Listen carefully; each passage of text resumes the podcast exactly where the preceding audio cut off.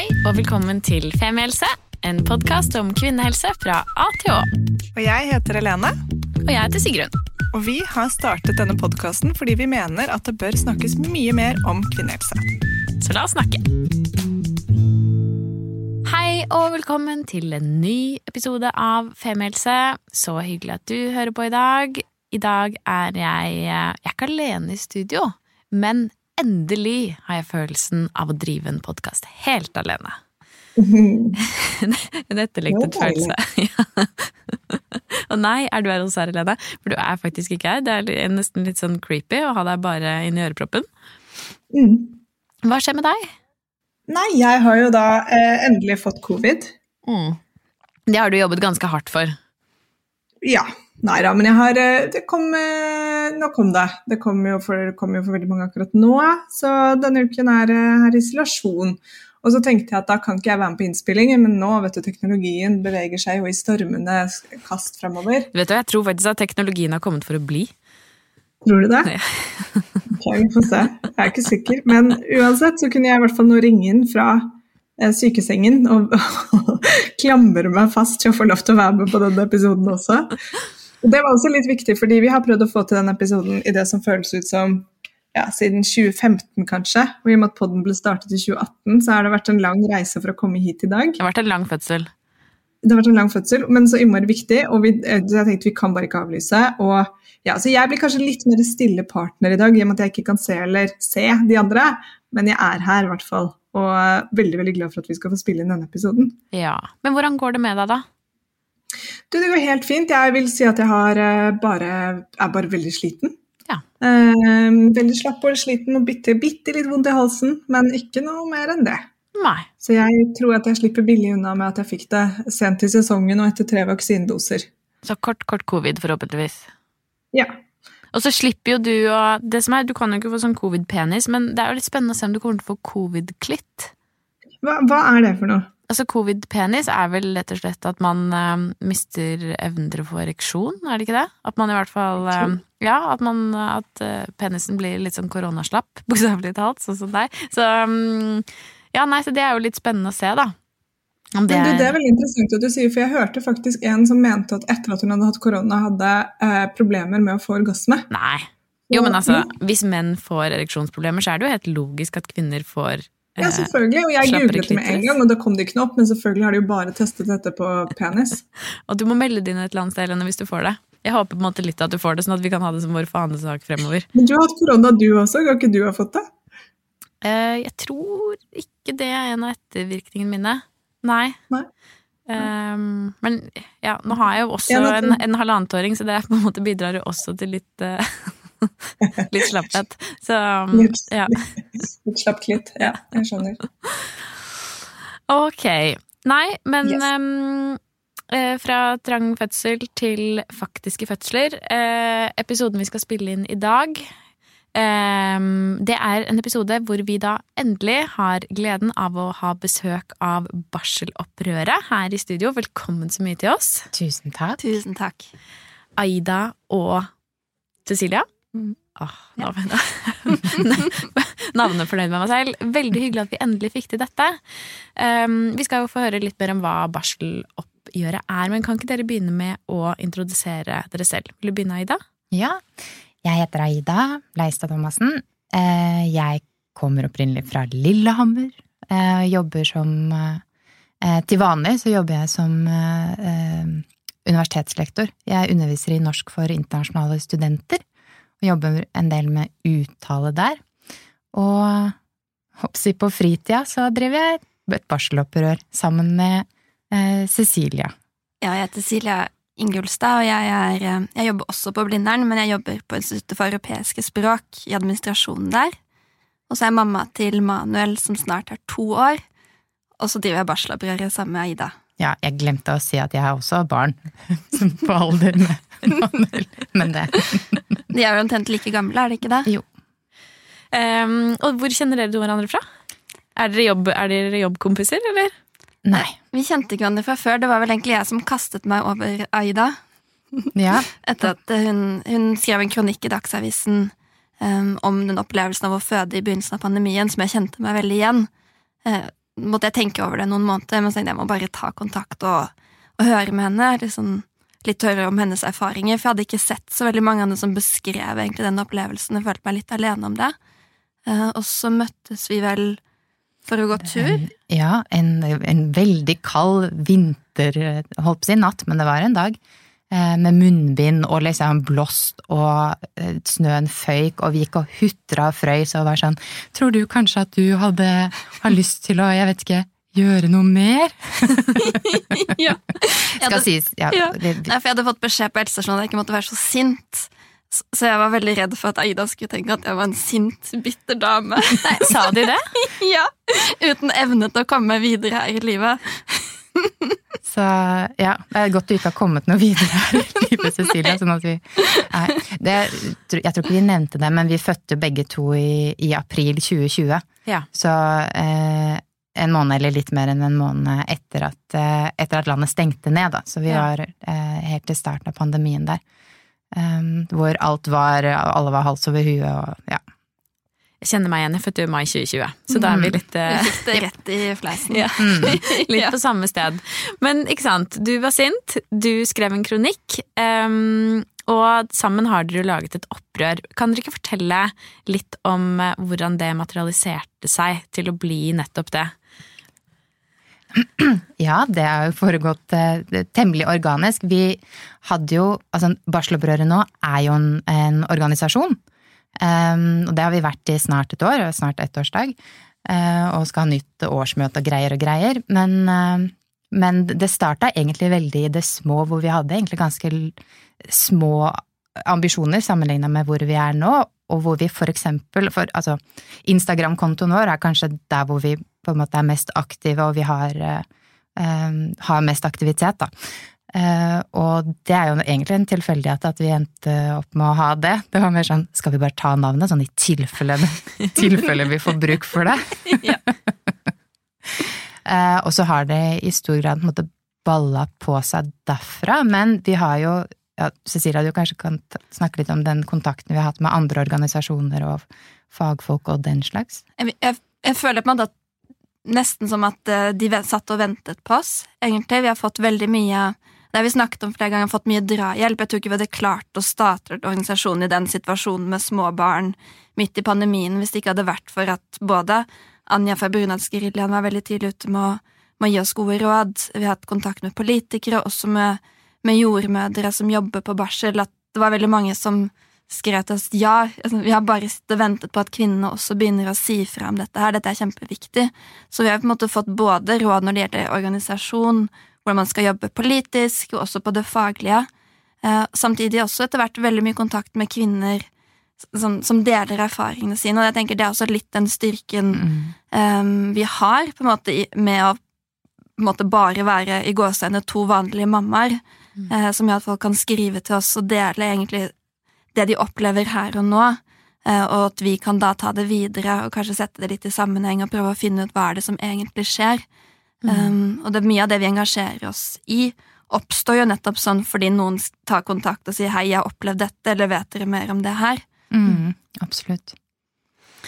Ikke sant, så da er dere jo Jeg visste faktisk ikke at dere var en organisasjon. Jeg kjenner dere jo best eh, gjennom Instagram, og som dere sier, den veldig aktive på mange måter liksom informasjonskanalen og engasjementskanalen dere har blitt der, hvor dere snakker om ting relatert til, til barselomsorgen. Men hvorfor eh, følte dere at det var behov for et opprør? Um, Hvorfor er det behov for et ja, opprør? ikke sant. Men eh, ja, og hvorfor er det behov for et opprør, og særlig relatert til barsel? Det er jo egentlig fordi at barselomsorgen i dette landet er jo nærmest ikke-eksisterende. Og det kan vi faktisk ikke godta. Mm. Altså um, Ja, for- Barselomsorgen, bare, barselomsorgen i Norge i dag kan, er liksom egentlig tre ting. Det er det du får på sykehuset, eh, som varierer veldig. Eh, hva slags, eh, hva, om du får rammeveiledning eller ikke, for eksempel. Eh, og så er det et hjemmebesøk eh, fra en jordmor eh, når du kommer hjem fra sykehuset. Eh, Hvis du er heldig. ja, og hvis du er heldig, flertallet er ikke så heldig, det er, vi er rundt 40 eh, som får det.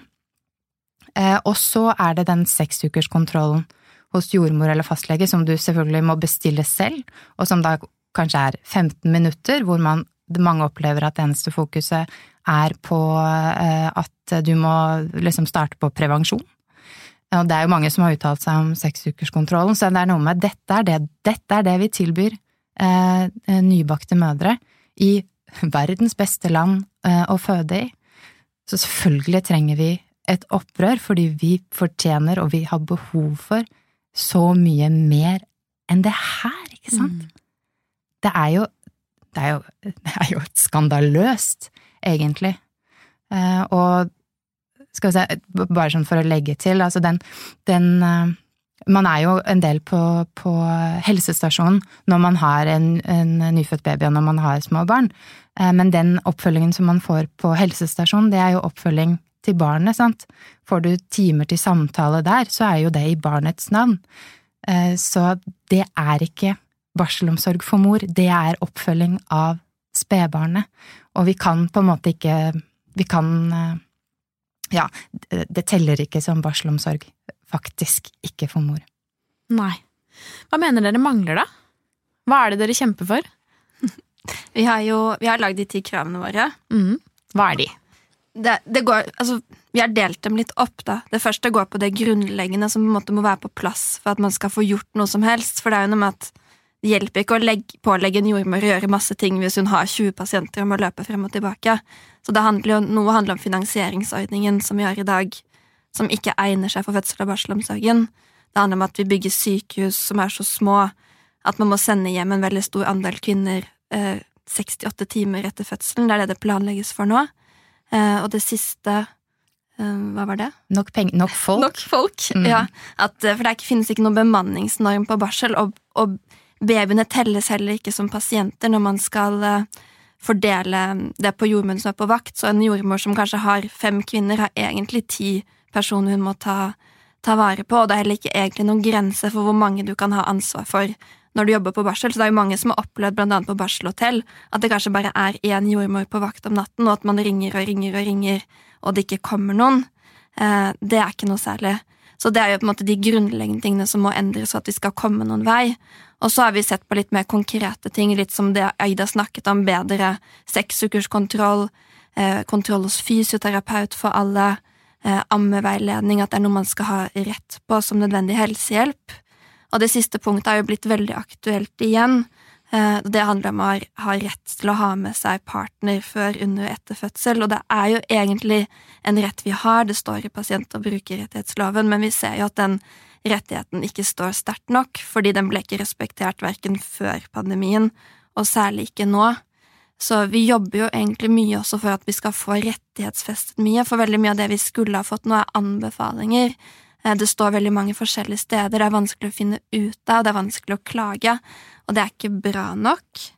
Så, så det handler på en måte om det konkrete. Og så jobber vi også for liksom, å endre synet på barseltiden, både hos kvinner selv og samfunnet generelt. At man på en måte ser at det er ikke jeg som er svak, som, er, som ikke klarer måte å glede meg over babyen min, eller som ikke får til ammingen for ikke jeg forberedte meg godt nok. Det er noe med at det, veldig mye av de rådene man får for barseltiden, handler også om at du må liksom bake flere boller ha i fryseren før du føder barn, eller be om hjelp. Og liksom det er ve veldig mye av det ansvaret legges på kvinnen.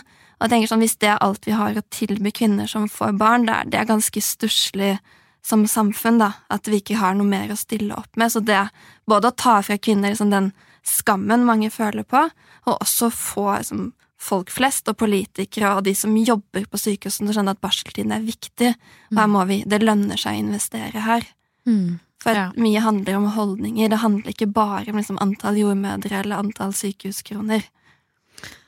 Absolutt at eh, barsel- og fødekvinnen er viktig, og at det ikke bare handler om henne, men det er en mye større sirkel rundt henne som påvirkes av at eh, omsorgen ikke er, er god nok. Ja, altså for jeg syns jo det her er jo utrolig fint og deilig å høre på. Um, og samtidig så blir jeg jo altså, like overrasket over denne eh, debatten. Eh, fordi hver gang Sigrun og jeg er ute og prater om dette, så føler vi at vi bare sparker opp åpne dører. At alle er helt enige. Og en ting hadde vært hvis det var sånn herregud, det dere ber om er jo helt urimelig, hvordan skal vi få til det? Så bare sånn nei, men vi kan få det til. Fordi nettopp vi bor i et av verdens rikeste land og et av de beste å leve i. Hva, hva tror dere at eh, Har dere noe teori om hvorfor vi har havnet her vi har havnet? Men problemet er at på en måte sparker man inn åpne dører, men ikke helt, for vi har snakket også med en del personer som sitter i ledende stillinger, blant annet på Ullevål, som mener at kvinner bør bare reise hjem etter fødsel, de har ikke noe her å gjøre. Eh, at et, blant ganske mange som jobber på fødeavdelingen, og nå mener jeg ikke alle, så hersker det på en måte også en inntrykk at fødsel er viktig, men hvis den går bra, så trenger man egentlig ikke så mye hjelp i etterkant. Sånn at det er noe med at det, det hersker også likevel en sånn oppfatning om at kvinner de klarer seg liksom selv. Det finnes en ammevideo på nett, og hvorfor, liksom, hvorfor skal vi bruke så mye ressurser på det? Er du Mm. enig i det, Aida? Og dessuten så tror jeg også det er noe med Altså hvem har lyst til å jobbe med barselkvinner, liksom? De gråter, de blør, de liksom Det lekker melk, og det er Altså, det er eh, Det er et eller annet med statusen til, til barseltida og til barselkvinner og til, de faktisk den Altså, altså den bragden det faktisk er, da, å ha født et barn, og som du på må nå tar vare på. Og altså Ja, for noe av problemet også er at um, jeg var ganske overrasket da jeg leste det. Det kom jo en retningslinje for barselomsorgen i 2014, og det er det første måte, dokumentet som sier noe om hva kvinner bør få etter fødsel. Og innledningsvis så starter de med at vi har prøvd å finne informasjon eh, som sier noe om situasjonen i dag, men det mangler nasjonale kvalitetsindikatorer, det mangler kost-nytte-analyser. Vi vet egentlig veldig lite om som, hvordan det er, og hva som er bra for kvinnene. Så det er noe med at hvis ikke det engang er interessant nok til å forske på det, eller til å måle det, så er det jo vanskelig å snakke om også, for hvor mange vet egentlig om, hvor mange kvinner som blir sykemeldt i permisjonen av fødselsdepresjon eller andre problemer etter fødsel? Vi vet ikke. Eh, og helt sånn basic ting som smertelindring etter fødsel, etterri, alle sånne ting, det står igjen og igjen i den retningslinjen. Vi vet ikke, det fins ikke forskning, det fins ikke forskning. Så det er noe med at debatten blir også basert på mye sånn synsing, hvor noen kanskje kan si ja, barselkvinner, de ønsker seg fort hjem. Eh, det står det en del på en del sykehus sine nettsider også, men så er det sånn basert på hva? Hvem har dere spurt? Så det er vanskelig å ha en samtale også mm. vi, når du ikke har noe håndfast. Og da blir det nesten litt som at det blir ord på ord. At en lege mener at ok, men det er fint for kvinner å dra fort hjem, og så sier nei, jeg mener ikke det. Og så blir det på en måte en kvinne mot en sykehusledelse eller en direktør, og så blir debatten på en måte stagnere litt der. Mm. Jeg vet ikke om jeg klarer helt å si det jeg vil, men det er noe med at det, um, Jo, men, men bare sånn, nå har det jo nå nylig kommet ny forskning som sier noe om, om uh, hvordan det har vært for kvinner å føde både i Norge og i Europa generelt uh, i denne pandemien her. Nå har vi tall. Mm. Da går det an på en måte å, um, å Slå i bordet med det. Ja, ikke sant? Og faktisk Altså, det er, det er trist å si, da, men nå, nå er det på en måte mer håndfast og kanskje for, an, for en del folk kanskje mer interessant, fordi det er et eller annet håndgripelig Mm. eh, å ta tak i. Absolutt. Og så tenker jeg jo litt som eh, Det er jo kanskje noen av dere som hører på som har hørt episoden vi spilte inn med ABC-klinikken eh, forrige uke, og mye av det i hvert fall jeg tok meg ut av den praten, var jo nettopp den retten til å velge. eh, og, og ha en litt eh, Hva skal man kalle det? En eh, differensiert liksom, fødsels- og, og barselsomsorg som ikke nødvendigvis er helt lik for alle. Og jeg tror jo at det er kvinner som, som vil hjem, og ikke som har et stort behov for oppfølging eh, etter, etter fødsel, og det er eh, strålende for de, men så er det jo også de som har det, og de må føle seg trygge. Og jeg tenker jo det er jo litt som du nevnte fysioterapi i stad, eh, og det er jo noe vi har nevnt eh, før i podkasten også, men i Frankrike så har man jo tilbud om tolv timer ved behov, og jeg tenker nettopp den ved behov er så utrolig viktig. Um, Altså for, for politikernes del også egentlig burde det gjøre det lettere egentlig å gjøre en positiv endring, for det betyr ikke nødvendigvis at utrolig mange kvinner kommer til å benytte seg av, eller utrolig, utrolig, men ikke alle kommer til å benytte seg av denne valgfriheten man eventuelt måtte få, da. Har jeg lov Men- til å være uenig? Ja, absolutt. For jeg tenker det, altså sånn, Selvfølgelig, noen vil reise til hjem, Men jeg tenker at det er noe med hvor skal du på en måte legge lista, fordi, og hva er det som er normalen? For det kjente jeg veldig på da jeg var på barselhotellet. At liksom normalen som jeg ble presentert til, var på en måte at det er helt vanlig at du skal stå opp dag, to timer etter fødsel og hente maten inn i kantina. Eh, huske å amme ved behov, eller når babyen ber om det. Sove når babyen sover.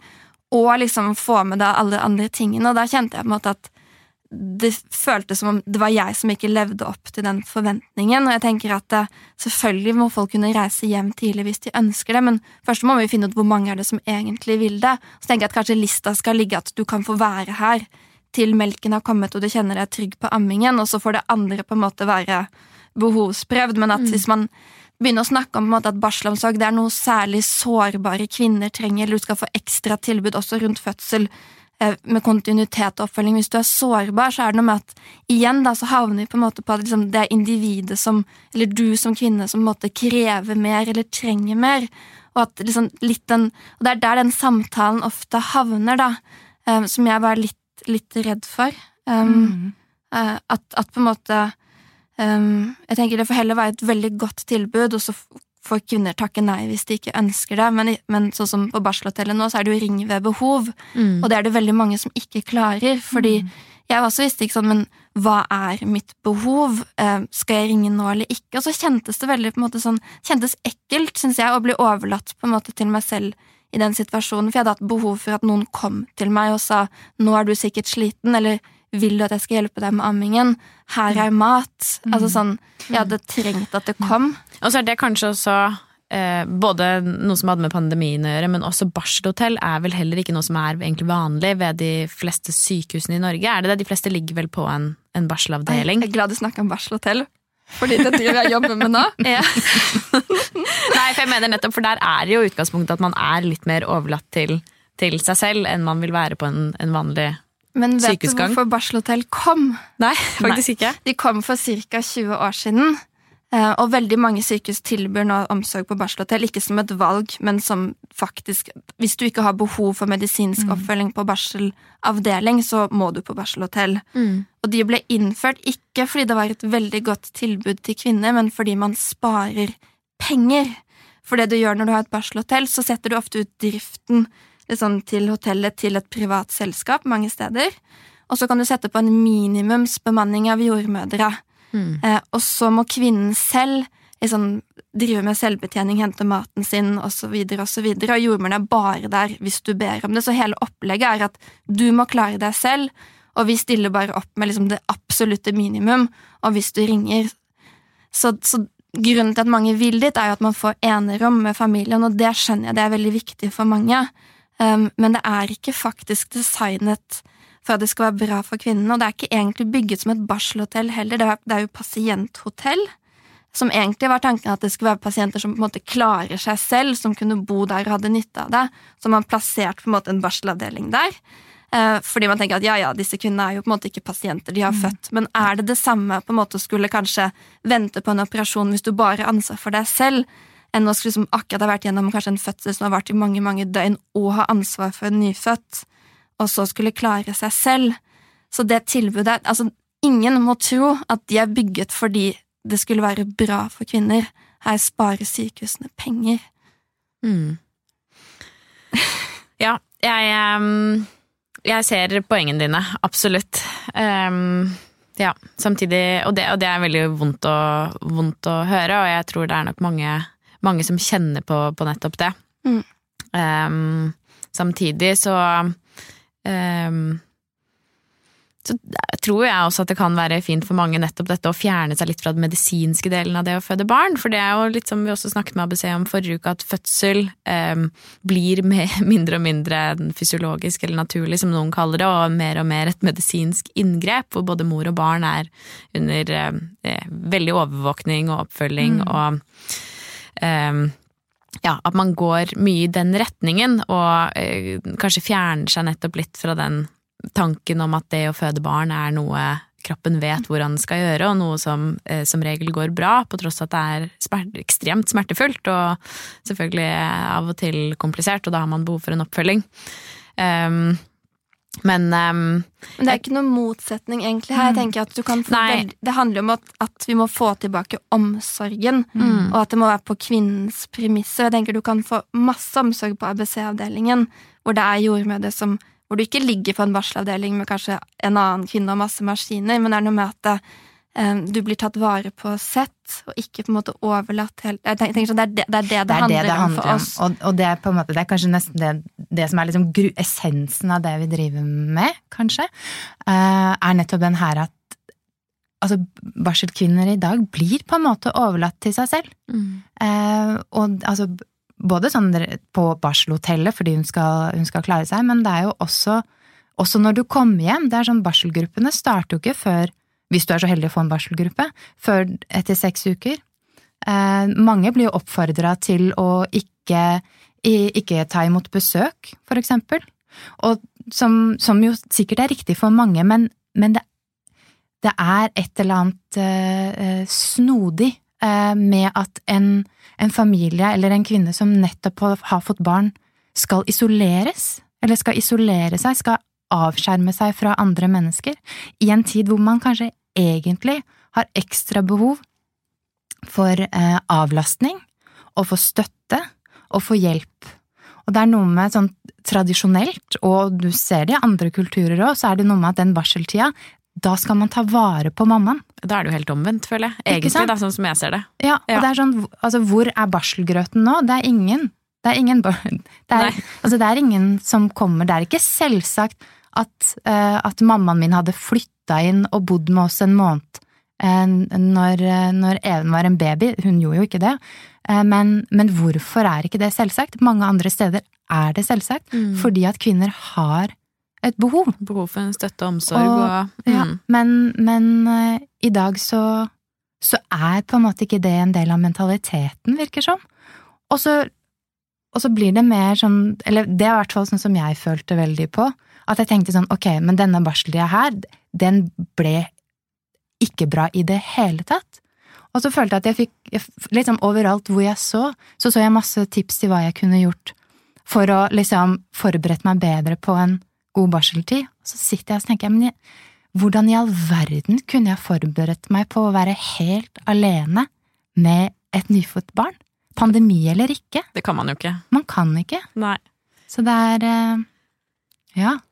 Derfor trenger vi et barselopprør. Ja, og jeg sitter jo og tenker at dere peker på eh, veldig mange hull, ikke sant, og et kjempestort behov som jeg tror er åpenbart for de aller fleste. Um, og da er det jo spennende å snakke litt om hvordan kan vi få tette disse hullene? Altså, hva er det som faktisk er mulig å få til her, tror dere, og hva må vi gjøre for å få det til? Jeg tenker at det- Vi må på en måte jobbe på ulike liksom, nivå. Mm. Og litt er det som vi snakket om, men er jo, noe er på en måte som bevisstgjøringsprosessen hos kvinner. på en måte Det med å tenke at det er ikke min skyld. For så lenge du på en måte skammer deg, så er det også vanskelig å snakke høyt om i offentligheten. For det er jo fortsatt sånn at veldig mange politikere oppriktig tror og mener og sier høyt at vi har verdens beste fødsel- og barselomsorg, selv om vi nå faktisk holder på å legge ned det eneste tilbudet i Oslo som gir kvinner kontinuitet, som gjør forskning viser at er gir mye bedre utfall for mor, både sånn medisinsk og, Mm. og for psyken også. Um, og, så det er enkelt kvinner må skjønne at dette kan vi kreve, og dette kan vi snakke høyt om, og det er ikke noe med meg på en måte som, er, liksom, som, som ikke er sterk nok eller bra nok. Og så må vi på en måte få den fortellingen også ut til de som bestemmer, sånn at de skjønner at jo, dette er viktig. Eh, hvis jeg sitter i kommunen og lurer på om jeg skal bygge en ny vei, eller faktisk betale sånn at jeg kan gi kvinner det hjemmebesøket av jordmor, så kanskje er jordmor viktigere. Um, derfor det, det handler mye om prioriteringer også. Så det er det ene, og så må vi på en måte være smarte og skjønne hvor er det liksom, hvor er det beslutningene tas, hvor kan vi være med å påvirke, hvem er det som bestemmer? Mm. Um, fordi jeg tenker sånn um, Ting vedtas jo politisk, og hvem er, det som, hvem er det som er interessert i dette? Det finnes jo mange politikere som kanskje nettopp har født barn, selv, som vi merker at vi ikke å overbevise dem om at det er problemer i fødsels- og barselomsorgen. Det vet de, liksom, det vet de veldig godt selv. Ja. Så det er noe med at Hvis vi presser, så skaper vi også rom for de politikerne til at når de sier partiet sitt men jeg syns vi skal jobbe for en bedre fødsel- og barselomsorg, så vil de kanskje få støtte. De vil kanskje få de pengene på statsbudsjettet. Det er noe med at vi må, vi, vi må være mange som jobber sammen. Mm. Sånn at liksom, når dere snakker om det, så er det kjempeviktig. Når vi liksom, ABC demonstrerer mot nedleggelse, så er det viktig. Det er noe med at vi Mm. klarer jo ikke dette alene heller. Nei. Og når kvinner forteller sine historier, så er også det eh, en viktig eh, er viktig i den store helheten også. Mm. For det er noe med at jeg tror jo altså disse endringene kommer ikke til å skje hvis ikke kvinner forteller eh, om eh, om hvilke konsekvenser det har fått, og hvilke erfaringer de har gjort seg. Og for så vidt partnere også. Hallo, Mm. alle partnere der ute. Absolutt. Em, så det er også en kjempeviktig del av, eh, av det. For det er noe med altså, Vi trenger forskningen, vi trenger fagfolka, vi trenger eh, Og vi trenger eh, de som, som føder og lager barn. Mm. Um, som For det syns jeg er liksom et viktig poeng, det med partnere. Um, nettopp det at uh, vi går Altså dette her er jo et samfunnsproblem. Det at den nye familien kommer liksom litt skjevt ut av hoppkanten fordi um, den som har født, ikke har fått nødvendigvis den oppfølgingen uh, hun trenger, påvirker jo så mange mer enn i hermetegn bare henne. Um, så det savner jeg litt i, i samtalene, som, i kronikkene som jeg leser, så er det veldig få eh, skal jeg si, menn eller partnere, og jeg mener ikke at alle skal gå ut her og skrive kronikk, men at det blir så veldig sånn Det er kjempefint at, eh, at vi, som skal føde på en eller annen måte, står opp for oss selv og sier at nå er det nok nok. Men samtidig så skulle jeg ønske at det var liksom like selvfølgelig at en mannlig stortingspolitiker på 55 pluss var med og snakke om dette og diskutere dette. Mm. Det er så frustrerende at det blir på en måte et kvinneproblem igjen og igjen. da. Mm. mm, Eh, Vi s- snakket litt om det i dag. mm. Um, jeg har også sett at jeg har prøvd å rekruttere mannen min, men han vil ikke. Vil han ikke? Så jeg vil, liksom, vet ikke om det, er, om det er at menn føler at de ikke kan ta plass, eller om de føler at det ikke treffer dem. Vi snakket litt Mm. om det også, at det, det har jo tatt lang tid. Altså, vi har, nå har vi beskjeftiget oss intenst med denne problemstillingen i mange måneder. Det, jeg vet kanskje ikke menn på en måte føler seg like liksom, truffet på den måten. Mm. Men vi har jo fått noen meldinger også av partnere som sier at det var helt, forferdelig å se på at kona eller samboeren ikke har det bra. Så det har ikke helt et godt svar, annet enn at jeg jeg er helt enig med Helene at jeg tenker at det er egentlig veldig viktig at vi ikke ser på det bare som et kvinneproblem, men et Mm. samfunnsproblem. Ja. Familieproblem og samfunnsproblem. Ja. Mm. Men har dere noen ideer om hvor Altså, hvorfor det ikke er flere partnere som, som tar ordet? Puster du, denne Jeg tror? Ja. i den offentlige Jeg puster tungt her. Nei, men liksom, I den offentlige debatten så handler det jo om nettopp det å sette seg ned og skrive en kronikk eller delta. Altså, den er ikke, det er jo en terskel for mange nok i seg selv, det. Um, og kanskje, kanskje man føler seg litt distansert, eller at ikke det handler om deg, det er ikke du som har hatt det verst. ikke sant? Det er jo mye sånn tulling med sånn ja, partneren min var mer sliten etter fødsel enn meg, ha-ha. Altså. Men, men mye forskning nå viser jo at partnere um, har ganske Jeg husker ikke akkurat tallene, så jeg skal ikke tørre å si det, men at man har nå begynt å forske på fødselsdepresjon blant partnere. Uh, som før ikke har blitt sett på som aktuelt i det hele tatt, men at man nå ser at selvfølgelig kan det også skje. Det er jo to stykker som blir foreldre, ganske ofte i hvert fall. Um, så er det det. sånn at jeg tror bare at det handler om en kanskje litt sånn modningsprosess. Um, men generelt sett så ser vi at kvinnehelse blir karakterisert som noe som kvinner skal kjempe for å snakke om. Eh, det er ganske få steder på Sigrid når jeg snakker offentlig eller holder foredrag eller hva vi gjør, hvor det er særlig menn i salen. Um, og det er nok litt sånn hvis jeg skal gjette litt sånn fremmedgjøring og nei, dette er vel feminisme, og hvor er min plass her, osv. Så, videre. så det er derfor jeg og vi har snakket litt om det der om å snakke om familien, og det å snakke om hvis, hvis hun som er født er ute av eh, spill og ikke, ikke har det bra, så påvirker det så uendelig mange rundt. da. Og det, så jeg, jeg mener partner eller besteforeldre, venner, alle som på en måte har blitt født, burde vært engasjert i barselomsorg. Mm. Absolutt. Jeg, jeg tenker også alltid at på en måte syns litt synd på en del partnere. Jeg tenker sånn, De blir jo kastet ut i både at de skal være ofte støtte i den første delen av fødselen, når man ikke får komme inn på sykehuset uten noe særlig forberedelse. De skal være med under fødselen og være, liksom, sette deg der. Og på barsel også, når du blir så overlatt til deg selv, så er det jo partner som egentlig må ta veldig mye av den omsorgen uten at noen kanskje har forberedt Mm. dem på den rollen, eller at vi har definert den. For det, det er på en måte Vi snakker mye om pappaperm, men samtidig så er jo parten ikke nevnt vel egentlig i retningslinjene for barselomsorgen. Jeg vet ikke om de står på en måte nevnt heller de andre type veileder for fødsel og sånn. Ikke på den måten som du sikkert tenker på nå, for det er noe med at altså, vi, vi Altså, partnere i fødsel har jo, en, har jo på en måte fått en veldig viktig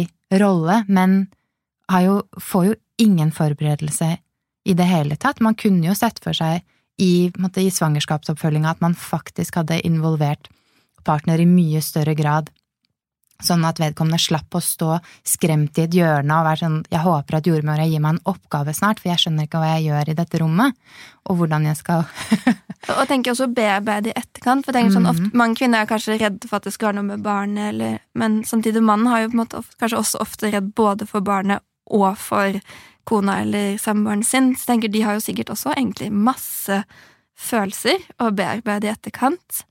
Um, så det er egentlig litt rart. Hvor blir dette av A? Mm. Det er min opplevelse også at veldig mange partnere har et kjempebehov for å prate om fødsler. Prate om det som var skummelt, det som var fint, deres rolle i det. Mm. Som veldig sjelden blir møtt. da. Eh, og nå skal ikke dette handle bare om partnere, men jeg tenker at det er viktig også for å få fram kanskje enda mer tyngde i alvoret i saken. da. At dette her er det er Først og fremst så går det utover fødekvinnen, men det er veldig mange andre som blir påvirket av det også. Mm. Um, så flere oppe på barrikadene er vel egentlig det jeg ønsker meg. da. At vi skal være liksom gjenger. Absolutt. Uh, Altså, kvinnen får jo på mange måter prosessert sin egen fødsel ved at hun er den som er i den. Det er jo noe annet enn å se på og ikke vite hvordan det føles og hvordan, hva det er som faktisk skjer, eller i hvert fall etter min erfaring, da, at det er en, en tydelig forskjell der. Nei, men hele familien, hele familien med, og jeg tror det er veldig eh, godt. Det gjør det enklere, da, som du sier, Helene, å snakke om familien heller enn å snakke om fødekvinnens helse. Eh, fordi det er nok som du sier at det er, ikke, det er ikke min kropp, det er ikke min helse det handler om, og da er det vanskelig å snakke høyt om det, men min familie er jo absolutt noe man har eierskap til. Ehm, så barselfamilien er vel eh, kanskje noe av det vi må snakke mer om fremover. Barselfamiliens tid. Og så er det jo at vi har ikke noe ordentlig fødselsforberedende kurs, eller familie- eller foreldreforberedende kurs heller, for mamma det var å snakke om de tre-fire gangene de satt og lærte å puste og sånn. Jeg bare hæ? Vi har satt kanskje to timer på Ullevål, og som du sa, det eneste nyttige var at du lærte hvor du skulle parkere. Ja, jeg, ja, vi hadde faktisk fødselsforberedende kurs på, på helsestasjonen da jeg gikk, men det eneste nye jeg lærte der var hvor man skal parkere på Rikshospitalet, og vi hadde fødeplass på Ullevål, så det hjalp jo. Så fint! ja. Men, Hadde det- du noe fødselsforberedende kurs? Mm, nei, jeg måtte vel gjøre det privat i så fall, ja. Det Mm. var dyrt, og det ble ikke noe av pga. korona. Um, så nei. Jeg vet ikke om det er noe som er vanlig, og det er jo også noe man kunne se for seg hadde vært en naturlig del av alles uh, eh, graviditet, egentlig. Et tilbud om et fødselsforberedende kurs Mm. for hele familien. Og jeg hadde også meldt meg på et kurs som de kalte for Den nye familien, som var nettopp et eh, var fokus på amming og barsel de første ukene etter fødsel. Og det var kanskje det kurset jeg følte at jeg hadde mest behov for, da. Mm. Man- var det i regi av kommunen eller noe sånt, eller var det Eh, nei, det var privat. Ja, okay. Ja. Mm. Um, men eh, i hvert fall noe som fantes, da, og som jeg har hørt om Mm. flere som har hatt uh, nytte av, som jeg skjønner. I hvert fall i lys av alt det vi diskuterer i dag. Så Mm. nettopp det med å bare gå inn i den helt nye tiden som det er umulig å forberede seg på, med i hvert fall noen sånn ja, veldig sånn praktiske verktøy, som i hvert fall jeg er veldig komfortabel med. Så Jeg tenkte jeg skulle si sånn, For min del, så for, selv om jeg hadde sånn verdens verste svangerskap, så forløp jo på en måte det jeg hadde forberedt Jeg hadde sånn helt standard, liksom ammingen funket alltid, jeg hadde lest, liksom så, så sånn sett så skled det egentlig veldig greit, men likevel så følte jeg meg totalt overlatt til meg selv i den situasjonen. Så jeg tenker sånn Hvis man da legger til kanskje ammeproblemer eller andre ting som kan komme i tillegg, så bare tenker jeg at det er jo noe med at det, til tross på en måte for at alt egentlig gikk som det skulle etter boka, så var det jo ikke noen god opplevelse. Mm. Og det sier jo litt at det handler om så mye mer enn bare at du skal ha det bra på papiret. For veldig mange sier du blir jo skrevet ut hvor det står liksom alt er bra, mor er frisk, og så føles Amming det ukomplisert. Og så føles det helt annerledes. Så det er jo noe med at det, ja, at Jeg tror nå kanskje vi snakker, har for mye fokus på det rent medisinske når vi på en måte Mm. Ja. En, en oppfølgingssamtale noen uker eller måneder etter fødsel eh, hadde jo kanskje vært fint, da. Det er også For- et av de kravene våre, faktisk. Ja. Vi skal ta og dele disse kravene når vi deler episoden, sånn at alle kan eh, få lese de ordentlig. Nå har vi jo snakket litt løst om de. Men um, jeg syns jo det er, eh, det er fantastisk at dere har ettårsdag nå. Og um, dere har jo fått til mye i løpet av det siste året. Altså satt uh, lys på mange viktige ting, og spesielt tror jeg blitt en liksom uvurderlig informasjonskanal for mange som er i en situasjon hvor de skal eller nettopp har født, når det kommer til nettopp hvilke rettigheter har jeg som fødekvinne i Norge. Og hvilke rettigheter har jeg, men de oppfylles ikke. um, og nå har vi jo allerede planlagt her i Females at vi må ha en, um, vi, en demonstrasjon, et oppgjør. Vi må rope høyt, hele familien. Så um, vi ser jo på disse ukene her med et uh, ekstra fokus på fødsels- og barselomsorgen som en, eh, en oppvarming til det oppgjøret, så vi håper at dere er, er med. Vi er med. Og så um, er vi med på deres opprør, og så håper vi at vi sammen kan klare å um, ja, få enda mer oppmerksomhet på dette veldig viktige temaet. Har uh, du lyst til å legge til noe, Helene, før vi begynner å runde av? Du, nei, jeg syns det var kjempefint. Jeg bare håper på eh, Det hadde vært så deilig om vi bare fikk til en ordentlig endring. Virkelig. Altså, det, er bare, det føles ut som eh, Ja, det, det føles ut som det er about time. Um, hva tenker dere om veien videre nå, da? Hva det, hva, hvordan kan folk som lytter eh, på denne podkasten bidra? Bortsett fra å delta i demonstrasjonen, selvfølgelig. jeg, det, jeg tror måtte følge litt med hva politikerne driver med, og ikke la seg blende av fine ord, fordi um, Kan jeg få lov til å snakke litt om Den nye regjeringen har jo lovet det skal komme en stortingsmelding om fødsel og barselomsorgen, og det er det helseministeren svarer på all mulig kritikk, er at vi kommer med en stortingsmelding. Men liksom vite at det tar flere år, og at akkurat nå har ikke regjeringen planlagt noen ting som vi vet om, som faktisk bedrer konkret forholdene for kvinner som skal føde.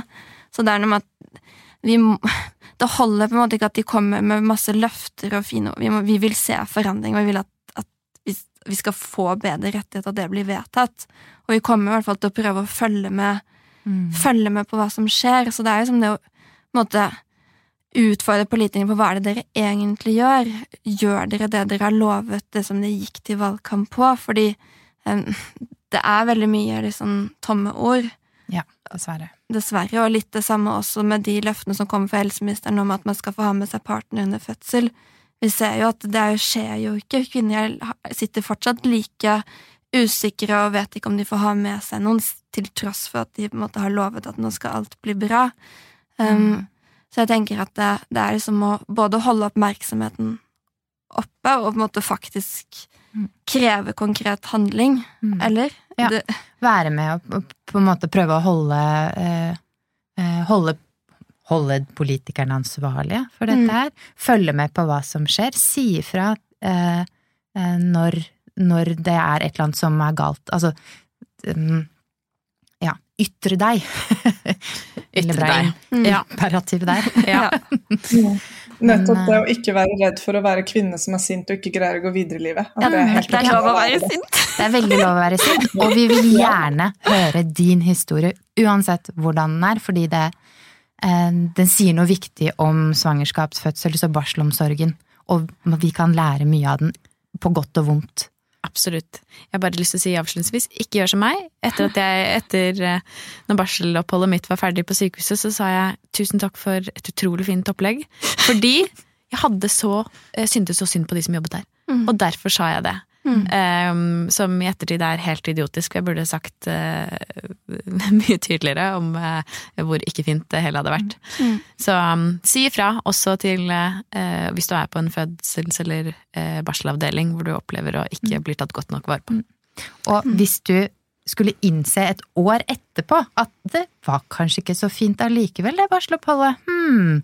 Så er det helt normalt, det òg, holdt jeg på å si. Altså, det er eh, Men jeg kjenner meg veldig igjen i det, for jeg var jo på ABC på barsel, og jeg var sånn Jeg vil ikke klage hvis det på en måte gjør at det skader på en måte tilbudet deres, men de var sånn Du må klage, fordi vi har sagt fra i årevis om at vi ikke har nok ressurser. Mm. Men hvis ikke kvinnene også sier fra, så tror på en måte ledelsen at det bare er sånn vi som vil ha bedre arbeidsforhold. Så det er noe med at ved å klage og ved å si ifra, så bidrar du faktisk også til at de som jobber der, kanskje får det bedre på jobb. Mm. Det er, tenker det er viktig å ha med seg, Ja. Jeg tenker det er viktig å vite, ja. Ja. At man ikke skal, eh, ikke skal ha dårlig samvittighet. ja. Send gjerne en formell klage, sånn at det kommer inn i systemet. Ikke sant?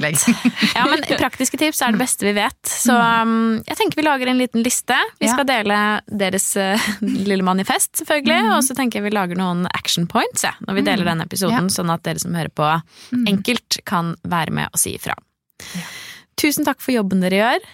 Tusen takk for besøket. Vi, Tusen takk for eh, oss. Ja, tusen takk for at vi fikk komme.